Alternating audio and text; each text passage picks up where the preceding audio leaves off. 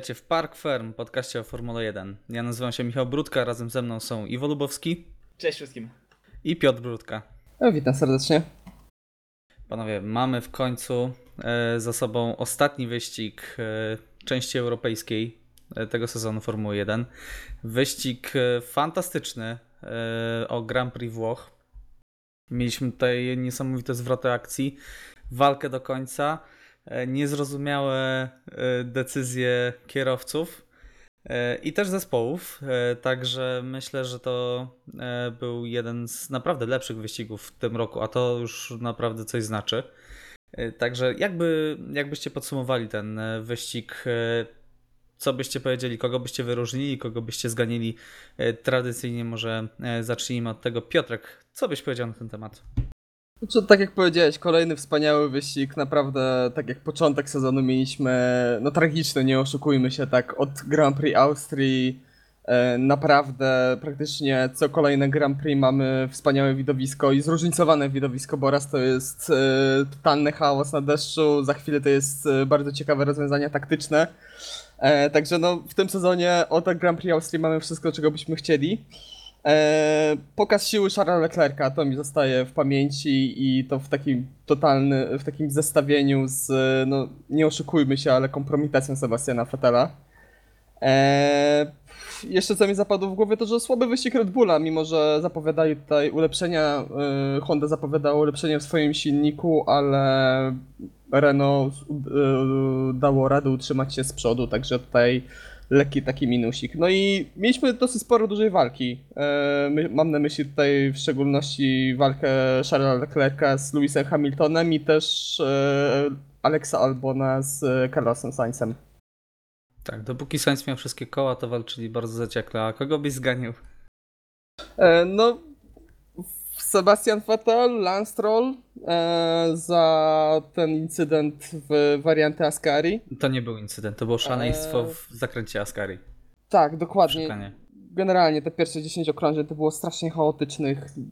Trudno było się połapać, co się dzieje. Wszyscy dostawali kary nagle. Tak. E, I myślę, że Nico Hulkenberg i Carlos Sainz za to, co zrobili w Q3 na samym końcu. Okej, o, o tym za chwilę porozmawiamy. Yy, Iwo, kogo byś wyróżnił? Jak byś podsumował ten wyścig? Yy, Czy ty też zgadzasz się, że to był fantastyczny pokaz siły Charlesa Leclerca? Był w końcu. To tu, tutaj nie miałem wątpliwości co do tego, że jest w stanie ścigać się jak równy z równym. Ba, no, być szybszym niż Mercedes, bo e, tutaj wszyscy chyba wspólnie stwierdziliśmy, że w Belgii, jeżeli zostałoby jeszcze dodatkowe dwa okrążenia, no to ta wygrana nie byłaby taka pewna. Tak tutaj, przy różnicy opon, przy różnicy mieszanek i czy w przypadku Hamiltona czy Bottasa, no Leclerc po prostu uciekał i Ferrari po prostu no mocno dawało radę i strasznie się cieszę, że udowodnili, że można i nie był to przypadek, ani pomoc teammate'a, na którą no, Charles w tym wyścigu nie mógł po prostu liczyć. E, natomiast, no tak, e, przede wszystkim wyścig był dla mnie za krótki. Przez pierwsze e, około 20, tak, no przez cały wyścig tak naprawdę, ale pierwsza część, pierwsza połowa tego wyścigu była tak emocjonująca, że tak naprawdę nie wiedziałem, gdzie mam badzać oczy i nie wiem, czy ekranów by mi wystarczyło, żeby tak naprawdę obejrzeć wszystko, co chciałem. Eee, chciałem, żeby taki sezon trwał, te, żeby ten sezon wyglądał do końca tak jak te ostatnie, już nawet nie jestem w stanie zliczyć ile wyścigów, także jestem zachwycony. Także no, na pierwszym miejscu po tym wyścigu dla mnie zdecydowanie Charles Leclerc, bo widać, że potrafi, bo umie się bronić i umie walczyć. Eee, ciekawa jaka w tym zasługa jest e, wcześniej Maxa Verstappena. Natomiast e, jeżeli chodzi o te minusy, e, o tych kierowców, którzy mnie najbardziej zawiedli, no to no, Sebastian Vettel przede wszystkim, ponieważ błąd był na tyle duży i nigdy nie byłem w stanie sobie wyobrazić czegoś takiego po, no konkretnie po nim, po prostu, nie po kierowcy z takim doświadczeniem. Jeżeli chodzi o drugiego kierowcę, no to no niestety takim sporym zawodem, raczej takim rozczarowaniem bardziej był właśnie Max Verstappen, a z tego względu, że przede wszystkim spodziewałem się po nim nieco więcej, bo jest to drugi, drugi e, wyścig z rzędu, w którym błąd popełniany jest już przy pierwszym zakręcie. I no, nie wiem, czy to nie jest. No teraz nie mogę powiedzieć, że to jest do niego niepodobne, aczkolwiek e, biorąc pod uwagę ostatnią fenomenalną pasę, jaką miał od e, końcówki zeszłego sezonu, no to niestety w tym momencie nie poznaję go zupełnie. A szkoda, bo lubię oglądać, jak walczy z samego, z samego tyłu i walczy nawet o pozycję w pierwszej piątce. Także no, szkoda. Ale co, coś, jest, coś w tym jest. Y, Po pierwsze, tory nie pasują Red Bullowi, a po drugie, y, no, te wymuszone starty, tak, z, start z niższej pozycji tutaj na pewno nie ułatwił Verstappenowi zadania, natomiast on kompletnie się pogubił. I Kalkulował po, zupełnie hamowania. Tak, no, szczerze powiedziawszy, no, nie przypominam sobie, kiedy ostatni raz coś takiego widziałem z topowego kierowcy. Zapewne Vettel kiedyś to zrobił. Hulkenberg temu na spa. No, ale pytanie, czy Hulkenberg jest topowym kierowcą, to już zupełnie temat na, na inną dyskusję. Natomiast nie wiem, czy się zgodzicie, ale ten sezon zaczął być ciekawy, kiedy się skończył. W momencie, w którym Mercedes odskoczył na ogromną przewagę i wygrywał wszystko jak leci, e, to mieliśmy mało ciekawe wyścigi. A w momencie, w którym Mercedes trochę spuścił z tonu, w ostatnich sześciu wyścigach wygrał tylko dwa wyścigi. E, Także wtedy zaczęła się walka, wtedy zaczęły się emocje i to pokazuje, rozmawialiśmy na ten temat, co jest potrzebne, żeby Formuła 1 była ciekawsza. Nie wiem, czy pamiętacie, tak w okolicy maja. Tak, tak. E, No i to, to był jeden z wniosków, że po prostu ktoś musi walczyć z Mercedesem i zespoły muszą być bliżej. E, Także zobaczymy jak dalej. Teraz na pewno będą tory, które bardziej pasują e, Red Bullowi, które pasują bardziej Mercedesowi, a dużo mniej Ferrari. Natomiast przechodząc już nieco dalej, znaczy zgadzam się tutaj jeszcze, kończąc temat, zgadzam się z waszymi nominacjami. Ja chciałbym jeszcze wyróżnić Antonio Gio- Giovinazziego, który w domowym Grand Prix zdobył w końcu punkty i odskoczył od Roberta Kubicy e, w klasyfikacji. E, Dojechał do końca w punktach, także brawo, e, brawo Antonio. Nie, nie wiem, czy słyszeliście bardzo ciekawą anegdotę, tutaj od razu taką dygresję małą zrobię. Karun Chandok, który współpracuje dla, pracuje dla telewizji Sky, ogłaszał przez cały weekend, że Giovinazzi ma podpisany już kontrakt, bo rozmawiał z jego ojcem. Wieść ta dotarła do Antonio i Antonio powiedział bardzo szybko, ale mój tata nie mówi po angielsku. Także to, to wiele mówi o rzetelności brytyjskich mediów. E, może nie brytyjskich mediów. Nie, nie bądźmy tacy mm, krzywdzący od razu dla wszystkich, nie, nie generalizujmy. E, skupmy się na razie na Chandoku, tak? E, zobaczymy. No może, może ktoś jeszcze ma podpisany kontrakt, tylko o tym nie wie.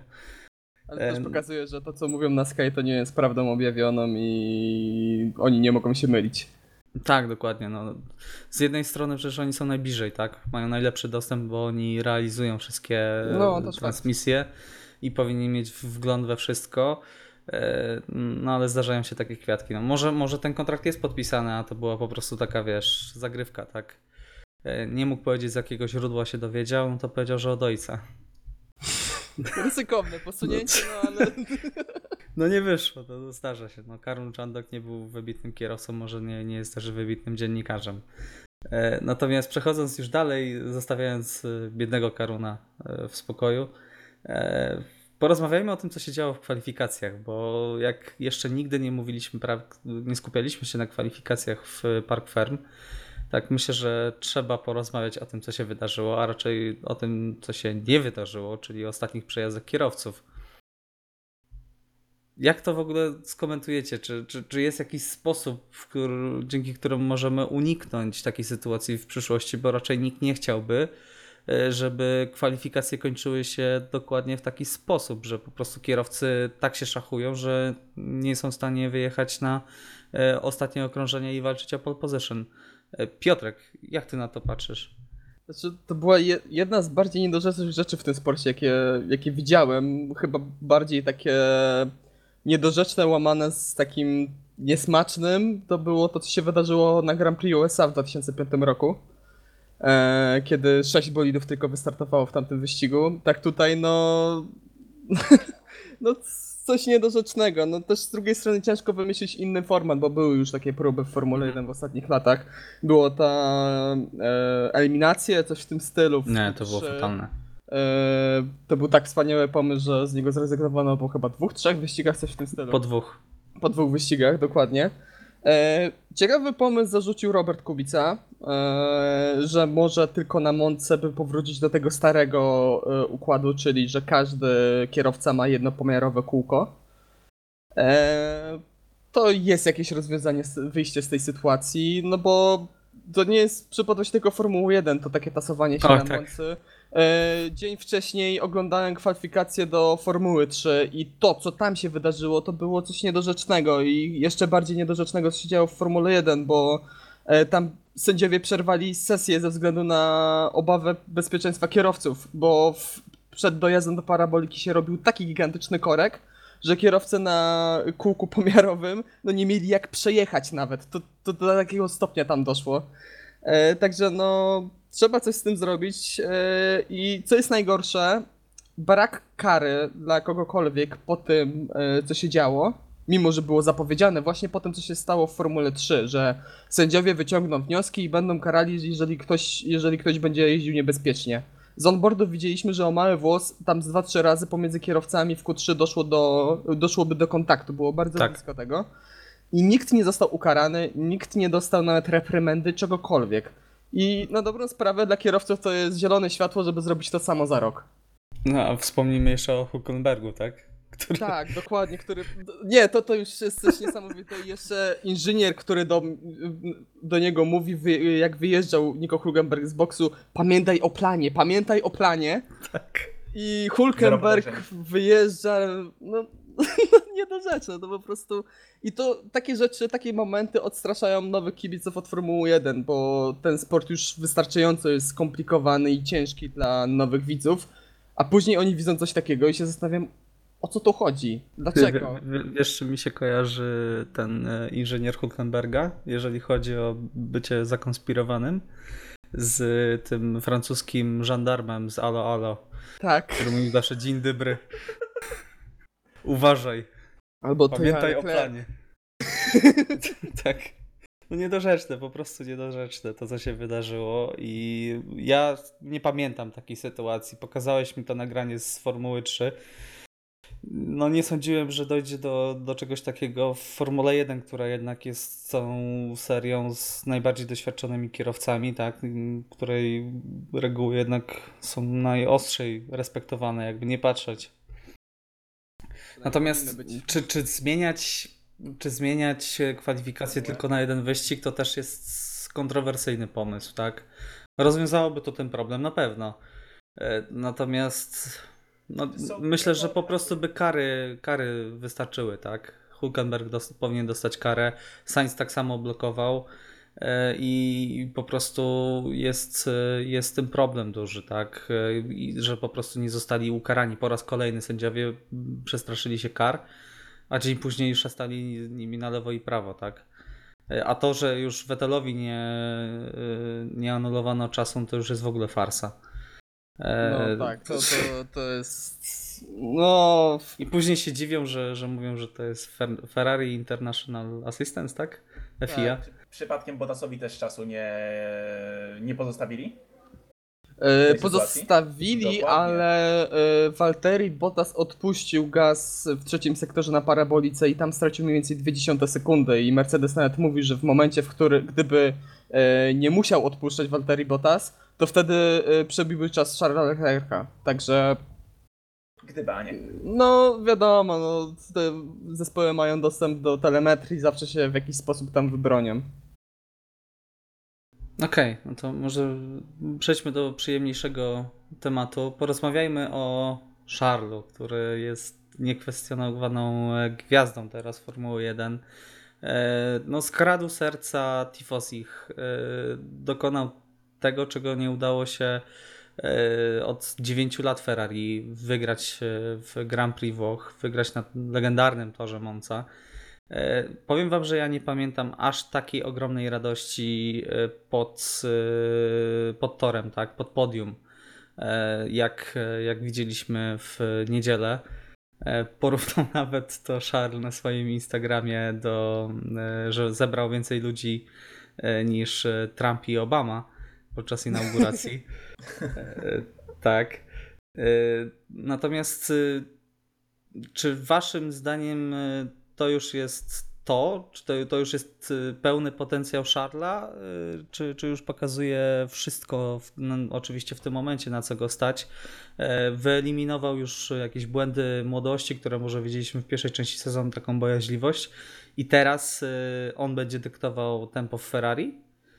W takiej dynamice, oczywiście, pierwszy, drugi kierowca. O tym też rozmawialiśmy tydzień temu, a teraz mamy drugie zwycięstwo z rzędu. Wiadomo, co, co Vettel zrobił, o tym też za chwilę będziemy mówić. Iwo, jak ty na to patrzysz? Y, No tak, widzę, myślę, że to już jest dobry moment. Ostatnio już mówiłem chyba po, nie pamiętam czy to było po Grand Prix Wielkiej Brytanii, czy, no nie, to już po SPA, przepraszam, ostatnio, ale wspomnieliśmy o tym, rozmawialiśmy o tym, czy Charles Leclerc powinien być kierowcą numer jeden i w tym momencie uważam, że tak, to jest ten moment, z tego względu, że błąd, no tak jak mówię, ten temat, tak jak mówiłeś, ten temat jeszcze poruszymy, ale nie, był, nie jest to pierwszy błąd Fetela. Eee, poprzedni błąd Fetela, taki tak duży, tak zauważalny, to, czyli Wielka Brytania, sprawiają, że nie wiem, czy jest warto stawiać dalej na kierowcę, który gdzieś ma problem z odnalezieniem tego, e, tego czegoś znowu.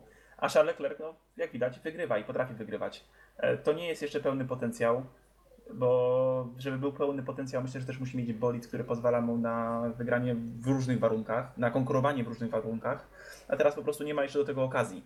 Ale tak, to jest to. I ja się bardzo z tego cieszę, naprawdę oglądanie wczorajszego wyścigu sprawiło mi ogromną radość i Mimo tego, że Charles miał trochę szczęścia, trzeba przyznać, bo popełnił błąd praktycznie identycznie jak Vettel w Kanadzie, tak? tak, Tylko, że Hamilton był trochę dalej i nie zajechał mu drogi, tak? No nie musiał, Hamilton nie musiał w tym momencie uciekać, a powiedziałbym wręcz, że no Leclerc na tym stracił, jeżeli chodzi gdzieś o, o, o swoje tempo, prawda? I, i o powrót Mhm. tor.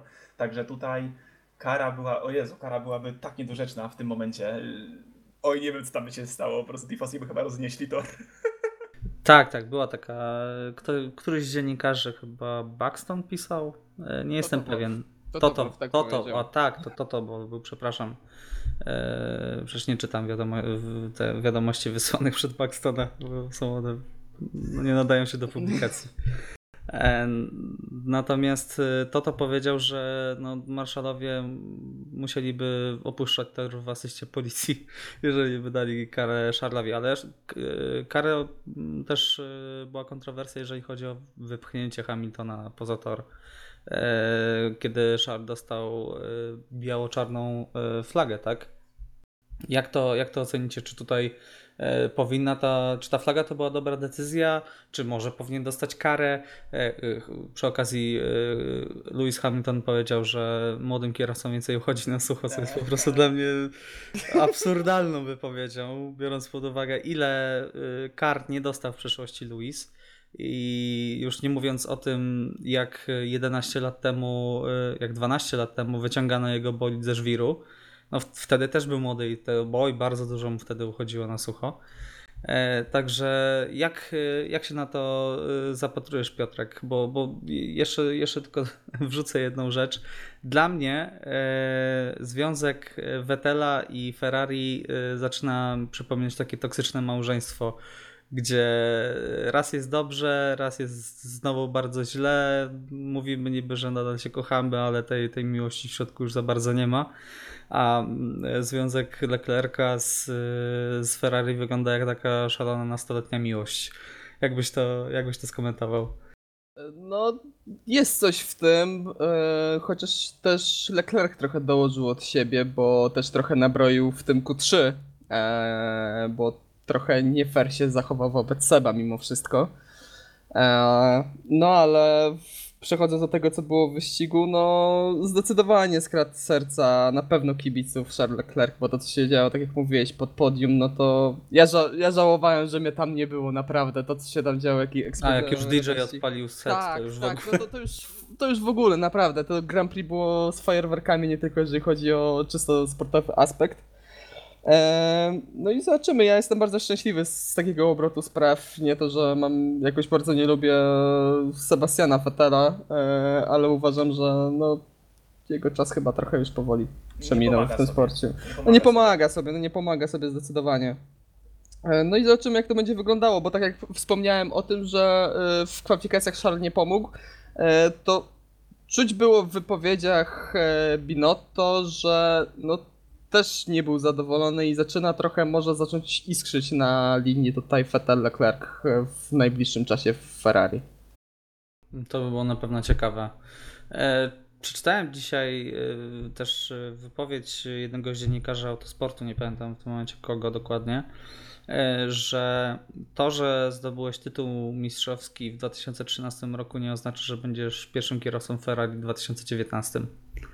I myślę, że to dobrze pokazuje, jak zmienia się też nastawienie ludzi skupionych wokół Formuły 1, gdzie Seb praktycznie co tydzień dostaje pytanie, czy kończy karierę. I to też na pewno na niego działa negatywnie, tak? Biorąc E, pod uwagę, że Sebastian Vettel nigdy nie, nie słynął z jakiejś mega odporności na stres i na jakieś duże emocje. Tak, w tym momencie przed oczami mam Kanadę 2011. Także i, i Jensona Batona, który go mija na ostatnim okrążeniu. Turcja 2010. Można Jest wymieniać i tego, wymieniać. jest to jest sporo. trochę tego, tak. Nawet w latach, w których zdobywał tytuły, tak. e, Trochę tego się znajdzie e, na Seba. E, To porozmawiajmy właśnie o sobie. Co on najlepszego zrobił? Jak to jest możliwe, że kierowca obraca się w takim miejscu, w kompletnie suchych warunkach, gdzie przejeżdżał to miejsce tysiąc razy, a potem wraca na tor jak szaleniec, bo tego nie da się inaczej określić. On wrócił po prostu, jakby miał klapki na oczach i myślał tylko o tym, żeby jak najszybciej wjechać, żeby nie, nie stracić za dużo czasu. Nie myśląc kompletnie o bezpieczeństwie swoim i przede wszystkim innych kierowców. E, Iwo, byłeś w szoku. Nie E, wiem, Wszyscy widziałem. byliśmy w szoku. Co on zrobił? Wytłumacz, bo, bo może ty jesteś w stanie. Ja, powiem tak, ja jestem w stanie zrozumieć spin, ponieważ Sep nas do tego przyzwyczaił, również na Moncy.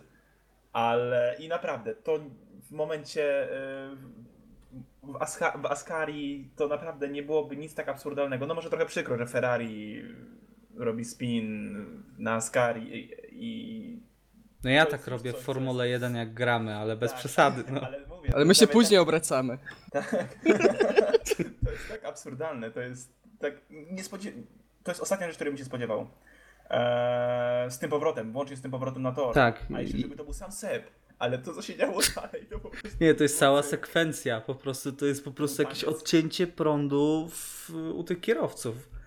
Yy, Ja po prostu zamarłem, kiedy widziałem, tak, yy, ja zamarłem po prostu, jak widziałem przejeżdżający tuż obok Seba. No, se po prostu, dobra, dodamy trochę gazu, nie? Zobaczymy. Mo, może w tak szybkiej szykanie, nie? Kto odpuści? A przejeżdża Lance, tak? O No. kurczę, walnąłem go. No po prostu, a, a Lance jeszcze lepszy, tak? Znaczy może nie jeszcze lepszy, ale Lance to samo. E, obróciło go, wraca na tor. No, no co, no muszę jechać dalej, tak? To jest mój wyścig. A Gasly, wyobraź sobie, Gasly widzi, że z lewej strony jest Seb, który jest e, w żwirze, tak? Przejeżdża przez żwir i wraca na tor. E, A z, przed sobą ma e, różowy bolid, który sobie stoi w poprzek zakrętu, w szybkiej szykanie. Jedzie na zewnętrzną. Przyznaj się, chciałeś powiedzieć. Forsythia. Tak, pojawiła się myśl u mnie Force India, ale to jest Racing Point. Pamiętamy. E, natomiast no, no to absolutnie szalona rzecz. No naprawdę też sobie nie przypominam. No Lance nie jeździ pierwszy y, sezon w Formule 1. No nie jest orłem, tak, nie jest wybitnym kierowcą. Ale jednak, no come on, ludzie. Samo zarzucił Sebowi. No, dokładnie. To Powiedział, że Seb, Seb, Seb spowodował katastrofę. No, po czym wyjechałem sobie na tor, na środek toru. Nie? No, Tak powiedział, spoko. że wyjechał jak kompletny idiota. 10 sekund później zrobił identyczną rzecz.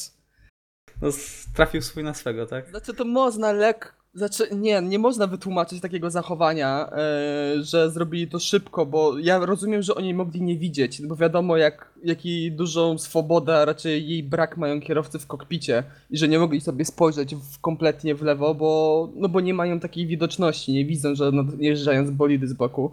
No ale jeżeli nie jesteś pewny, tym bardziej w wariancie Ascari, która jest bardzo szybkim yy, sekwencją zakrętów, jeżeli nie jesteś pewny wyjazdu na tor, że nikomu nie wierzysz pod koła, to czekasz na, no, na inżyniera, który ci powie, dobra, wyjeżdżaj teraz, jest, jest czysto. Oj, Seb by, Seb Tym bardziej- dużo czasu. Tym bardziej, e, tym bardziej potem co się stało tydzień temu, no. Panowie, no, Seb jakby nie refleks Lansa Strolla, Seb dostałby strzała e, w bok. Czyli praktycznie to samo, co się wydarzyło tydzień temu. No.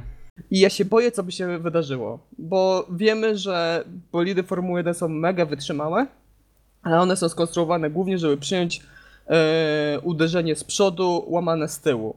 Z boku Tak. one nie są tak wytrzymałe, także koniec końców dobrze, że możemy teraz siedzieć i się z tego trochę pod, się z tego nabijać, z tego co się wydarzyło, e, a nie, że się stało coś bardzo złego, bo naprawdę ja się złapałem za głowę i aż mnie zmroziło wtedy, jak widziałem, co Tak. się dzieje, że na początku to, co robi Seb, a później Lance robi to samo. Identyczną rzecz i no, no, no po prostu to, to też pokazuje klasę tych Nie kierowców.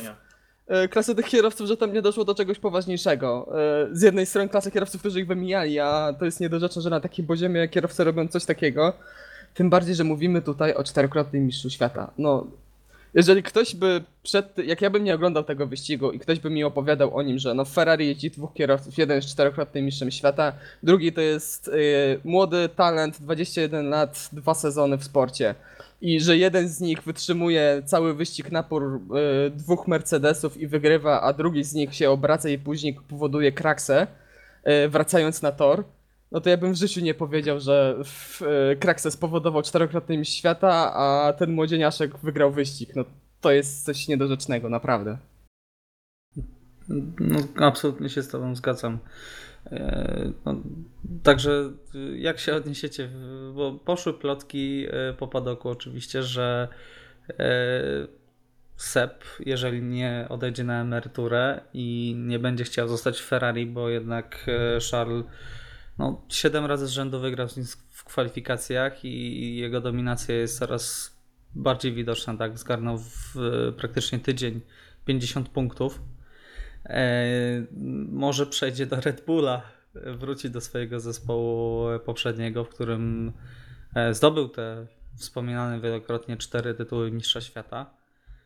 Czy, czy uważacie, że to jest po pierwsze możliwe, po drugie, jeżeli tak, to mądre w jakikolwiek sposób?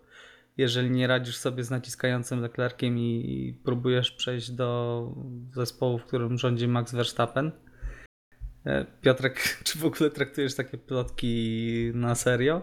Czy to jest raczej e, jakieś opowiadanie Andersena zagubione? E, szczerze powiedziawszy, gdyby Sebastian Vettel miał przejść do Red Bulla, to wtedy Max Verstappen musiałby gdzieś indziej pójść, bo nie chce mi się wierzyć, że tak jak powiedziałeś, że odejdzie od Charlesa Leclerca, z którym sobie nie radzi i przejdzie do Red Bulla, gdzie jest Max Verstappen, z którym sobie nie mógł za bardzo poradzić Daniel Ricciardo, który wiadomo jak wyglądał sezon 2014 pomiędzy dwójką Jak- Ricciardo a Sebastian Ależ, ależ po prostu sieć zależności wyrysowałeś tutaj. Ten jest szybszy od tego, ten jest szybszy od tego. No to, to on nie może być szybszy. No tak, tak. No, tak samo jak jed... z drużyna A wygląda, z druży... wygrywa z drużyną B, to na pewno jesteśmy od nich lepsi, jak z nimi wygramy. Tak, dokładnie. To jest, no ale trochę taka zależność może wyglądać. Z drugiej strony mi się nie chce wierzyć, że na przykład Max Verstappen do Ferrari. Bo raz e, z punktu, e, ze sportowego punktu widzenia niezbyt to widzę, po drugie wątpię, żeby Ferrari ryzykowało dwóch mega młodych kierowców, którzy e, no nie kochają się, nie jest to jakiś, nie są jakimiś mega kumplami, wiadomo, że w przeszłości już w czasach kartingu pomiędzy nimi mocno iskrzyło. E, także ja tego nie widzę. Szczerze powiedziawszy, jeżeli Seb opuści Scuderię, to uda się na emeryturę. Ja tutaj, szczerze powiedziawszy, nie widzę angażu w Red Bullu w Tak, przyszłości. do Kimiego. A jeżeli właśnie y, kontrakt emeryturę. jednak nie jest podpisany, e, to y, widziałbyś go gdzieś w zespole środka stawki?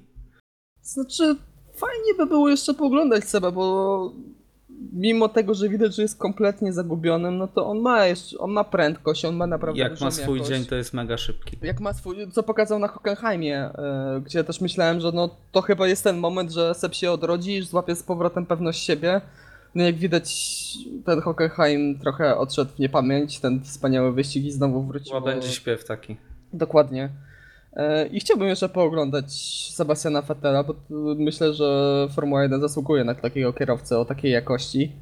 E, No ale wątpię, że Seb chciałby takiego rozwiązania, szczerze powiedziawszy. Myślę, że patrząc na Sebastiana Vettela, to jakby odchodził z Ferrari, to, to chciałby już odejść kompletnie z Formuły 1, się odsunąć, od, odejść z tego zespołu, gdzie na szczycie na dobrą sprawę. No, prawda jest taka, że Seb praktycznie stracił ostatnią szansę w tym sezonie, żeby wygrać wyścig. A y, popraw mnie, jeżeli się mylę, ale ostatni rok, w którym nie wygrał ani jednego wyścigu, to właśnie był 2014, e, kiedy je- jechał naprzeciwko danego Ricciardo. A 2016? Ferrari? Nie pamiętam. Nie, no w 2016 wtedy właśnie była to zmiana przepisów na szersze bolidy i na Już- pewno wygrał wyścig. Iwo, co ty sądzisz? tak, W trakcie Iwo. sprawdzali. W, w, tra- w, w trakcie waszego... A nie, przepraszam. Nie, nie, nie wygrał ani jednego wyścigu, był dwa razy, trzy razy drugi. No w Także 2016 roku. Ciężko mi sobie wyobrazić kierowcę, znaczy kierowcę tego pokroju. No, Kimi, no dobra, Kimi Raikkonen może nie jest tego pokroju pod kątem tytułów, aczkolwiek na pewno bardziej go lubię. Natomiast, No, natomiast, y, ale to tak samo pomyślmy o Hamiltonie. Y, Czy wyobrazilibyście sobie Hamiltona na przykład w innym zespole do środka stawki w tym momencie, gdy miał kończyć karierę? no ale Ja bym nie porównywał. Hamiltona, bo Hamilton Jasne. się nie obraca co pięć wyścigów. Jasne, to się zgadza, ale można powiedzieć, że no, jesteś kierowcą już z bardzo dużym stażem, osiągnąłeś swoje, masz bardzo duże, masz bardzo dużą dolę na cały rok y, w jednym teamie. E, możesz tak naprawdę zrobić wszystko i nie wiem, czy sam chciałbyś zakończyć karierę, można powiedzieć, już w tym wieku, w którym, w którym jest Seb, i przechodzić do młodszego zespołu, znaczy do, do, do niższego zespołu. Ja sobie tego w tym momencie szczerze mówiąc nie wyobrażam. Bo... Chyba, że 2021, tak? Kiedy jest. Zobaczmy, co e, zmienią. Dokładnie, kiedy jest totalnie, mają być totalnie wywrócone e, przepisy i, i wtedy może się zmienić zupełnie stawka, tak? E, nie no, Iwa, bądźmy poważni, tak? Staramy się prowadzić poważny podcast, a ty Ale mówisz, o, mówisz o wywróceniu, prawda? Także... bez przesady, tak? Bez przesady. Już widzę, jak Claire prowadzi zespół do Mistrzostwa Świata Konstruktorów. No po prostu. I, i za kierowcą Latifi i George Russell. I Russell mówi: Nie, ja nie chcę wracać do Mercedesa, mi jest dobrze w Williamsie. Ale tak wracając do tematu. Nie jestem sobie w stanie wyobrazić Fetela w innym zespole w tym momencie. Nie przez to, przez to przechodzi Ferrari aktualnie. Czyli y, wysyłamy Seba na wcześniejszą emeryturę, bo to jest młody gość cały czas. Przecież on jest dwa lata młodszy, trzy lata młodszy od Kubicy.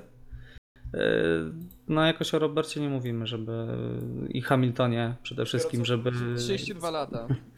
no 32 lata, a Robert y, 35 skończy? 34? No, przepraszam, nie, nie jestem przygotowany. Wiem, że uro- 34. 34, no to y, dwa lata różnicy jest między nimi, tak Piotrek? E, tak, tak, tak. No, no to jakoś wiesz, Hamiltona i Roberta nie wysyłamy na y, emeryturę. Chcemy, żeby Kimi je- jeździł jeszcze, jeszcze dłużej, a Kimi ma 38. A, a Vettela wszyscy wyganiają na emeryturę w wieku 32 lat. No to, to tylko pokazuje, jak y, wrażenie wypalonego y, stwarza wokół siebie set, tak? I to pokazuje też, jak świetnym kierowcą jest Charles, że jeden. No, rok temu się w ogóle nie mówiło o tym, że Vettel będzie kończył karierę wkrótce, tak? Tylko nastawialiśmy się na ten sezon, że to będzie sezon Ferrari i Vettel w końcu zdobędzie Mistrzostwo Świata i pokona Hamiltona. Przynajmniej w większości e, osób. Liczyliśmy, że Charles zamiesza, ale nie, nie mówiliśmy, że zostanie mistrzem świata w pierwszym sezonie, tak? Nikt się Ferrari. nie spodziewał, że tak zacznie pokonywać Fetela, że to będzie aż takim, właśnie tak jak mówi, że głównie myśleliśmy, że no parę razy mu tam utrze nosa, będzie blisko, jeżeli chodzi o tempo, no ale nikt od niego nie wymagał aż tak dobrych rezultatów. Ale żeby było zabawniej, e, jeżeli spojrzymy na same wyniki wyścigów, to Seb był e, wyżej. W pojedynku Seb e, Charles jest 8 do 6. 8 razy Vettel był, notował lepsze lokaty niż, niż Charles. Jak dużo zmienia zwycięstwo, nie? No, Zmienia zupełnie tak. optykę. Z drugiej strony, no Charles Leclerc jest przed Sebastianem Vettelem w klasyfikacji generalnej. No a z drugiej strony dopiero teraz go wyprzedzi po tym wyścigu. No ale to możemy się tak przerzucać przez cały wieczór. E, także przejdźmy dalej. Może zostawmy e, Albo nie zostawmy. Jeszcze, jeszcze jedną kwestię omówmy. Jeżeli y, Seb skończyłby karierę, to kto trafiłby do Ferrari? To jest po prostu A, pytanie za 100 punktów. E, Okej, Iwo, skoro zacząłeś, to, to proszę bardzo. Tak. Daniel Ricciardo. Dziękuję, do widzenia. Y, ciężko mi sobie wyobrazić y, jakiegoś innego kierowcę. Wspomnieliście o Maxie, którego właśnie sobie nie wyobrażacie w Ferrari. Prędzej widziałem go chyba w Mercedesie. Nie wiem dlaczego, czy czerwony do niego nie pasuje, ale jakoś tak nie pasuje mi do niego zupełnie, zupełnie ta stajnia. Eee, A Ricciardo no wydaje mi się, że jest na tyle już doświadczonym kierowcą, a jednocześnie w sumie jest nie jest aż tak wiele młodszy tak naprawdę. O dwa lata od Fetela? Chyba? Czy trzy? Mhm. To yy, teraz jest śmieszne, jak przed chwilą rozmawialiśmy o tym, jak Fetel, yy, że Fetel jest stary i może iść na emeryturę, ma dopiero 32 lata faktycznie, a Ricciardo jest tylko dwa lata od niego młodszy, ale jest Tak. kierowcą, który wydaje mi się, yy, no mógłby uzupełnić Charlesa w tym zespole. Tylko nie wiem, do czego by doszło między nimi, ale chyba widziałbym go tam, chyba przede wszystkim bym tam widział, naprawdę. I, I kto wtedy w Renault? Hulkenberg? To byłby zwrot akcji. Tak, Tylko głupia sprawa, nie tak, uwierzysz. Do końca kariery. E, Dobra, to ty widzisz do niego Ricciardo. Myślisz, że ma jakieś zapisy w kontrakcie, że jak nie zdobędzie ani razu podium, to sobie może odejść po jednym sezonie? Wydaje mi się, że. Kurczę, Może, myślę, że może mieć, wiesz, bo on miał tak mocną pozycję negocjacyjną Tak. przychodząc do Renault, bo po pierwsze dostaje tyle hajsu. Jest czwartym chyba najlepiej, czy trzecim najlepiej opłaconym kierowcą? Bardzo możliwe. On dużo pieniędzy wydaje Renault na, niego, na pewno. E, Okej, no to jest na pewno jakieś rozwiązanie. C- Cyril by na pewno nie był szczęśliwy z, z tego rozwiązania, ale cóż. Ma Estebana Okona, tak? E, Na przyszły sezon. Piotrek, e, kogo byś widział? Czy też Daniego Ricciardo, czy może Maxa Verstappena, może Alexa Albona, może Nico Hulkenberga, kogokolwiek?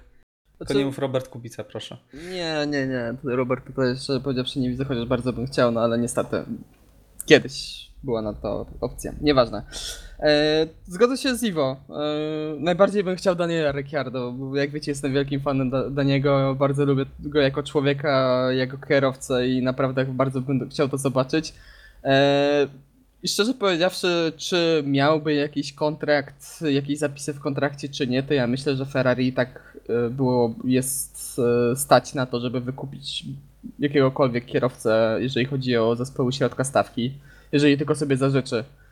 E, mają taki budżet, że myślę, że to nie byłoby dla nich aż takim problemem, żeby po prostu czysto teoretycznie wykupić Daniela Ricciardo. No dobra, no to z, z, trochę z innej części y, strony to ugryzę. Y, Mówiliśmy tyle przed chwilą, że nie może być dwóch bardzo szybkich kierowców w teamie. Y, Wiemy, jak Ferrari ma problem z zarządzaniem kierowcami i wy chcecie teraz władować Ricciardo do Leclerca. Z sentymentu. Nauczyliśmy się. Nie, no ale to z drugiej strony, szczerze powiedziawszy, jeżeli by Sepp odszedł, to naprawdę e, mocnym pre, pretendentem by był właśnie Nico Hulkenberg. Mhm, też tak sądzę. E, bo to jest kierowca e, porządny, jest to kierowca naprawdę powtarzalny, jeżeli nie ma szansy na podium. I dobry E, drugi kierowca po I prostu. jest naprawdę, byłby bardzo dobrym drugim kierowcą. E, powrót Kimiego raczej nie wchodzi tutaj w grę. Nie, już za Choć- późno chociaż trochę. to jest trochę za późno.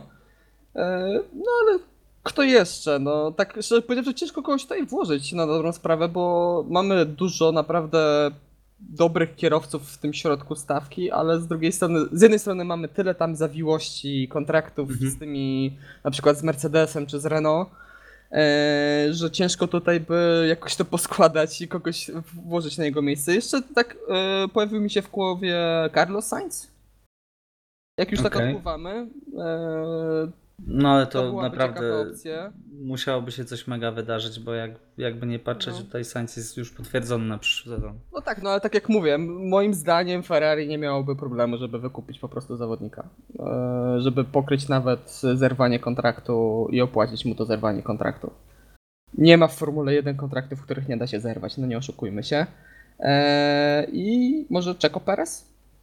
Powrót do zespołu na, na topie, jak kiedyś jeździł w McLarenie, no to może teraz po tylu latach przydałby się Ferrari. Okej. No tylko, że po raz kolejny potwierdzony na 3 lata.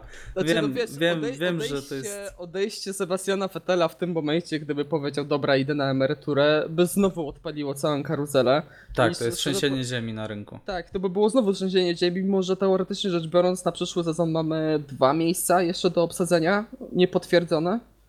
Dwa, trzy miejsca niepotwierdzone mamy, jeżeli się nie mylę.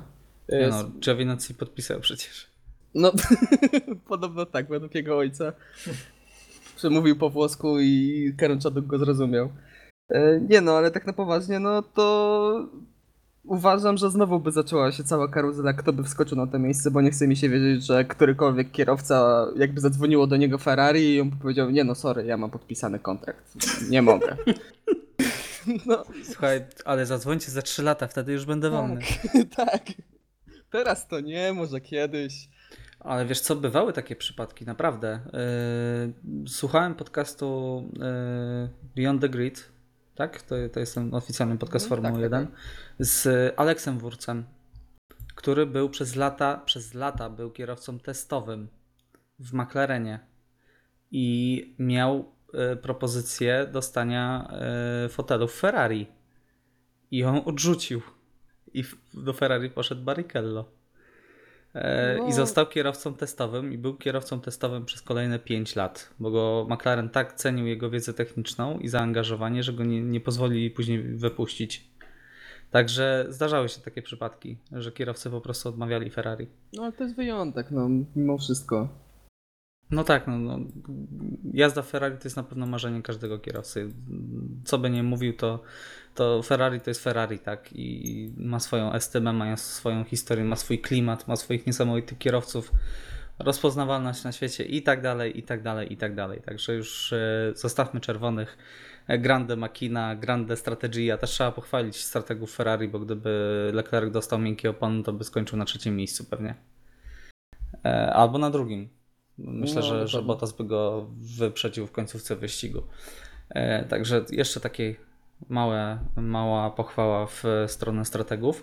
Natomiast wróćmy do tematu Renault, e, bo rozmawialiśmy tydzień temu e, na temat teorii spiskowych dotyczących tego zespołu i McLarena.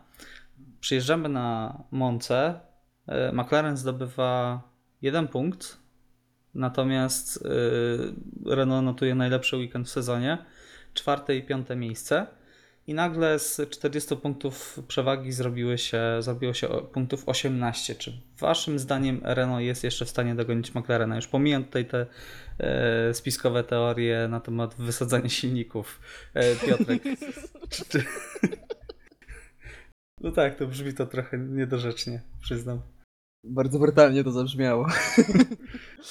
no ale y, nawiązując do tematu, no e, ciężko. Zobaczymy, czy, fe, czy Renault przy, będzie miał jakieś poprawki i uda im się e, poprawić bolid, jeżeli chodzi o wolne tory, o tory z e, dużą ilością zakrętów, e, gdzie wymagają dużo docisku, bo z tym mieli bardzo duży problem, co najbardziej pokazał weekend na Hungaroringu, gdzie no, zajęli tam strasznie odległe lokaty w drugiej dziesiątce i nie mieli w ogóle podejścia.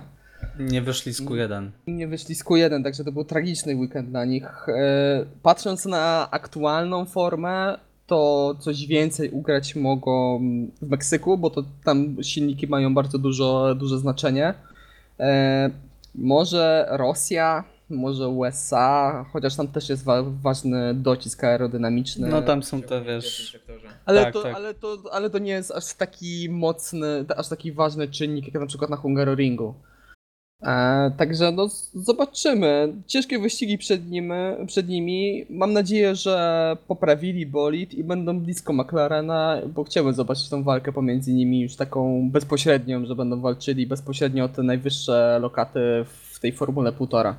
Tak, to na pewno byłoby bardzo ciekawe. E, Iwo, e, Renault, McLaren, Mm, jakie jest twoje zdanie? Znaczy ja jestem w stanie uwierzyć, że spokojnie Renault jest w stanie dogonić McLarena, a kurczę, teraz faktycznie jest ciężko powiedzieć kto, kto może wygrać, bo z drugiej strony mieliśmy pierwszy tak dobry wyścig Renault w tym sezonie, e, a McLaren wcześniej pokazywał się dobrze większej ilości wyścigów, e, znaczy pokazywał się z tej dobrej strony, e, więc Ciężko jest powiedzieć po jednym wyścigu, czy Renault faktycznie, czy już teraz stawiamy na, na ich wygraną, na ich czwartą pozycję w klasyfikacji generalnej i końcowej, ale 18 punktów to nie jest dużo, tak naprawdę. To nie jest dużo. To jest jeden kiepski wyścig, tak naprawdę, gdzie dwóch kierowców nie ukończy albo skończy poza punktami, a ich przeciwnik, owszem, e, osiągnie te punkty i tak naprawdę już ta przewaga topnieje w olbrzymim tempie, biorąc pod uwagę te różnice punktowe. Także no, to jest spokojnie do podgonienia, uważam. Okej, zwłaszcza jeżeli przydarzą się jakieś nieprzewidziane awarie Nie przewidziane silników. awarie silników, dokładnie. Tak, także zobaczymy. Ja jestem bardzo ciekaw, bo, bo wydawało mi się, że McLaren tutaj spokojnie utrzyma się z dużą przewagą. E, I utrzymałby się pewnie, bo jednak Carlos Sainz jechał na szóstym miejscu, tak? Także też sporo punktów by tutaj dorzucił. E, natomiast myślę, że takim e, Grand Prix prawny będzie, e, będzie Singapur. Bo to jest tor, który na pewno będzie bardzo pasować McLarenowi, biorąc pod uwagę to, jak jeździli na Węgrzech. I jestem bardzo ciekawy, jakie tempo będą tam mieli i czy dojadą w dużych punktach. Tutaj naprawdę trzymam kciuki za Sańca, który miał drugi wyścig z rzędu, rujnuje mi fantazy, także Carlos, proszę cię. wr- Wróćmy do Smooth Operator, naprawdę. Tęsknię. E, Dobrze, to, to jak jeżeli rozmawiamy już o Singapurze trochę, e, to porozmawiajmy o zespole, który e, jest absolutnie wyjątkowy w tym roku. O zespole Williams. Fanfary. Nie, no już, już mm, pomijając to, jak się zaprezentowali na tym, e, w tym wyścigu, gdzie George prawie wyprzedził Vettela, e, jakby nie patrzeć. E, natomiast a Robert wstrzymywał przez długi czas Romana Grożana, który później odgrażał mu się w znany sposób środkowym palcem. Polecam to zobaczyć, bo to jest bardzo zabawne wideo. Jak Roman Grożan jedzie na ostatnim miejscu za Robertem Kubicą, próbuje go wyprzedzić, zostaje zablokowany, blokuje opony i, i później się odgraża, e, Czekaj, kiedy? Robert jest dwie sekundy przed nim. At once he's a fingerer, not fingery.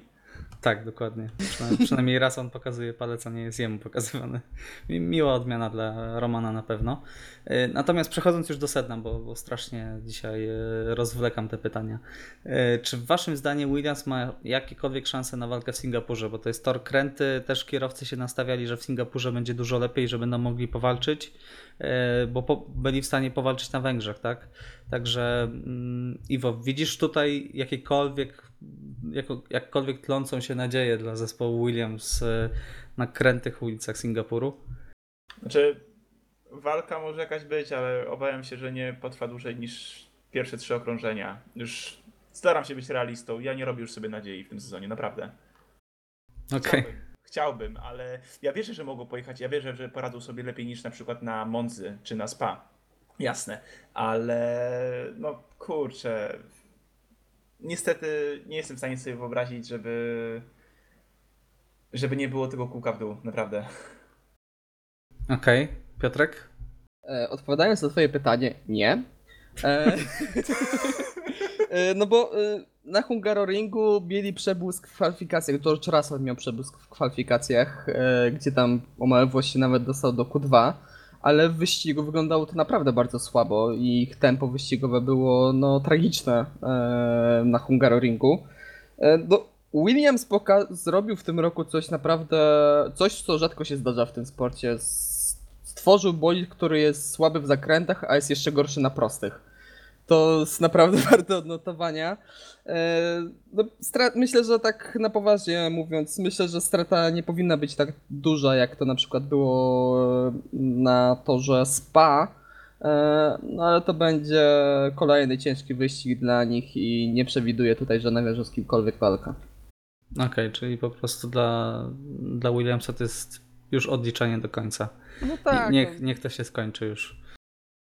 Nie ma co tutaj, nie ma tutaj jakiejkolwiek nadziei, tym bardziej, że e, tak jak jeszcze przed wakacjami e, często mówili, że no będą przywozili małe poprawki co z wyścigu na wyścig, że będziemy Czas się ulepszali kończy. ten bolid.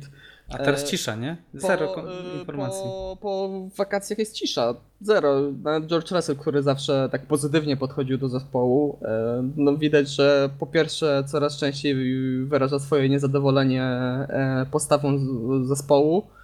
E, No i że już jest totalna cisza, jeśli chodzi o jakiekolwiek poprawkę i o jakiekolwiek ulepszenie tego pakietu, jaki mają.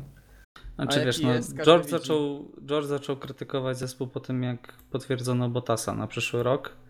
E, no nie wiem, no, może po prostu nie spodobała się im jego prezentacja w PowerPoincie. E, Także y, pozostając w wesołych tematach, takich jak Williams, porozmawiajmy na temat dzisiejszego newsa. Najgorętsza wiadomość w padoku. E, Rich Energy odchodzi. Myślę, że powinna być tutaj e, minuta ciszy. E, Czemu w końcu? To, to było fantastyczne. Ja Ale- po prostu nigdy się tak nie ubawiłem z żadnym sponsorem Formuły 1, żeby takie akcje były i żebyśmy mogli tyle o nich rozmawiać. E, Zwłaszcza po nudnych wyścigach. Dziękuję Rich Energy. To było tak surrealistyczne, żeby coś takiego się działo w prawdziwych mediach, a nie na Onionie. To jest prawdziwy internet i czytam takie internety na Facebooku i Twitterze. To jest niemożliwe, że takie coś faktycznie miało miejsce. Ja cały czas mam przed oczami to, co wrzucili na Twittera po słabym wyścigu, że z tym, z tym wózkiem widłowym. tak. Dobra robota, chłopaki. Nie, po prostu są niesamowici byli. Albo jak mówili od samego początku sezonu, jak w jednej sesji byli szybsi od Red Bulla. O, Red Bull, zobacz, gdzie jesteście. Test, tak. W testach. O, w testach, no to już w ogóle. Aj. No będzie, będzie mi brakować yy, Rich Energy, będzie mi brakować yy, słynnego brodacza, yy, który, który pojawiał się w padoku. E, Będzie mi brakować 5 miliardów, miliardów czy milionów wyprodukowanych e, puszek, a nie sprzedanych, jak na początku mówili. No, miliardów to by było za dużo. E, także będziemy tęsknić. E, Poza tym e, będzie mi trochę brakować tego malowania hasa, bo było bardzo ładne. Co prawda zgapione od Lotusa, ale, przy, Ale- przymykamy na to oko. Bardzo ładnie też wygląda. mieli trochę zgapione Rich Energy. No ale koniec tak. końców, koniec końców, panowie. Marketing zrobili świetny. Każdy ich zapamięta. No, Oj, każdy zdecydowanie. zapamięta Rich Energy. Było mnóstwo sponsorów w tym, e, w tym sporcie, mnóstwo sponsorów tytularnych, o których no, nikt nie pamięta. No, przewijało ich się logo w trakcie oglądania wyścigów, a o Rich Energy będzie się mówiło z, przez parę ładnych lat. Naprawdę. Tak, ja już widziałem propozycję zastępcy ze zdjęciem e, Zenka Martyniuka i Energy Drinkiem Zenek. Także myślę, że to jest ta droga, którą Ginter Steiner i Gene Haas powinni pójść. E, natomiast e, jak to się ma do śladu hasyjskiego w, po, tak uwielbiam. To jest po prostu ślad ferraryjski, ślad hasyjski. E, Has wiadomo, e, pozdrawiamy wykop. E, także jak to się ma? Czy, czy w przyszłym sezonie będzie Orlen Has Racing Team, czy nie? Wiadomo. Wyjaśnione. No dobra, także możemy Nie no, przechodzić. szczerze powiedziawszy, tak e, odpowiadając, to wątpię, żeby e, Has nie potrzebuje tych, tak bardzo tych pieniędzy. To Tak. jest naprawdę bogata firma i oni nie potrzebują sponsora tytularnego na zabój, że im jest potrzebny, tak jak e, Williamsowi, że oni potrzebują pieniędzy od sponsorów, od kierowców, żeby przetrwać. Has ma bardzo dużo pieniędzy i oni mogą sobie pozwolić na to, żeby jeździć bez sponsora tytular- tytularnego. E, tak, zwłaszcza, że zdobyli Rich Energy Team że, tym, że rzucili dwukrotnie niższą stawkę niż Williams chciał w zeszłym roku. Dokładnie. Także to też pokazuje, że tak strasznie im na pieniądzach nie zależy, bo je po prostu mają. Natomiast e, no, biało-czerwone barwy Hasa z poprzedniego roku ładnie by się komponowały z logiem Oj, bardzo ładnie. Zgadza się. E, Także nie miałbym nic przeciwko, naprawdę. E, Natomiast nie chciałbym wyjść tutaj, e, żebyśmy my wszyscy wyszli na jakichś fanatyków, tak, którzy wpychają Roberta do każdego wolnego, e, do każdego wolnego fotela, tak. Także zobaczymy, jak się sytuacja rozwinie. Robert oficjalnie nadal nie wie, co będzie robić w przyszłym roku, także dajmy, dajmy mu podjąć decyzję. Zobaczymy, jak się wszystko ułoży. E, I porozmawiajmy o kiełbasianych tarkach. To, to jest po prostu temat, który e, uwielbiam, e, który po prostu moim zdaniem jest najlepszym tematem, który poruszy, poruszymy tutaj. Jeżeli nie widzieliście, nasi słuchacze kochani, jeżeli nie widzieliście wypadków w Formule 3, to koniecznie zobaczcie. ponieważ ktoś z FIA postanowił, że świetnym pomysłem jest ustawić kiełbasianą tarkę, czyli taki próg zwalniający mały e, na, na asfalcie, który znajduje się na wyjściu z zakrętu parabolika. E, Tak, to jest ten ostatni, najszybszy zakręt. Fantastyczny pomysł. E, Spowodowało to, że bolid, jeden z bolidów Formuły 3 po najechaniu na, na yy, tę tarkę yy, wystrzelił w powietrze. I yy, jak teraz możemy się śmiać z tego, bo kierowcy się nic nie stało, to wygląda to po prostu tragicznie. I gdyby nie halo, to też byłoby nieciekawie, bardzo nieciekawie. E, No, czy waszym zdaniem e, standardy bezpieczeństwa trochę się opuściły po śmierci Charlie'ego Whitinga, bo kiedyś nie było w ogóle takich tematów i, i e, czy waszym zdaniem to tutaj powinny zostać jakieś zmiany może w FIA, bo jednak e, no, kolejny weekend, kolejny bardzo groźny wypadek, tak? Piotrek, e, uważasz, że tutaj jest potrzebna jakaś zmiana, czy, czy to jest po prostu jakieś niedopatrzenie pojedyncze? Nie, wiesz co, bo y, ta tarka została zamontowana rok temu już. Ona już to jest tam od zeszłego roku. E, też mi się na początku wydawało, że no w tym roku ktoś wpadł na genialny pomysł, żeby tam to zamontować W i... miejscu. No, znaczy ja nie rozumiem w ogóle tego postępowania myślowego. Kto wpadł na ten pomysł i później powiedział, że to, że to jest naprawdę dobre. 5 lat temu mniej więcej, plus minus, nie pamiętam dokładnie kiedy, wylewamy asfalt na parabolisę tam, gdzie był żwir, żeby kierowcy mieli więcej miejsca, żeby wyjechać, żeby to było bardziej bezpiecznie. Później montujemy tam wielki próg zwalniający, gdzie kiero- jak kierowca wiedzie z dużą prędkością, to zmieni się ten próg w katapultę. No, to totalnie surrealistyczne podejście, którego nie potrafię zrozumieć. Ja generalnie nie jestem zwolennikiem w ogóle korzystania z tych dużych tarek. Ja myślę, że e, pułapki żwirowe wie, więcej dobrego wyrządziły, bo tak samo no nawet jak w pierwszej szykanie mamy te duże tarki, e, no to jasne to ma zmusić kierowców, żeby nie przyjeżdżali tędy, żeby nie, e, nie cieli toru, no ale zmotywujmy do tego kierowców dając kary, a nie ryzykując uszkodzenie samochodu, no bo to jest naprawdę raz kosztowne, dwa niebezpieczne dla kierowców, tak już mówiąc w pełni poważnie. E, tak, od, ja, ja, czasem sędziowie podejmują takie dziwne decyzje, właściciele torów. Ja tak jeszcze tutaj pozwolę sobie zatoczyć e, anegdotę, którą kiedyś powiedział Robert Kubica jeszcze za czasów, kiedy komentował wyścigi, to jeszcze chyba było na stacji TV4. E, O Jezu, tak, tak mi się przypomniało. Tak mi się Kiedy przypomniało. jeździł World Series by Renault, tak? Tak, że w trakcie wyścigu World Series by Renault były pachołki, które bardzo e, często kierowcy ścinali. E, i, w pewne, I w pewnym momencie organizatorom się znudziło postawianie tych pachołków jeszcze raz i zdecydowali, że zrobią ten pachołek betonowy. Jezu. I w, O pewnym, I w pewnym momencie no, kierowca pojechał zbyt ciasno zakręt i się wbił w ten, e, w ten pachołek, oczywiście roztrzaskując swój, boli, e, swój samochód, także no raz na jakiś czas organizatorom wyścigów przychodzą jakieś dziwne, dziwne e, pomysły do, do głowy i no, nie wiem, ja nie jestem do- końca w tego stanie zrozumieć i cieszmy się, że nic złego się nie stało. Dobrze, w takim razie myślę, że możemy e, zamknąć ten osobliwy temat. E, Kiełbasianym tarkom mówimy nie. E, także przejdźmy do już końcowej części, bo już gadamy ponad godzinę. E, także Grand Prix Singapuru przed nami.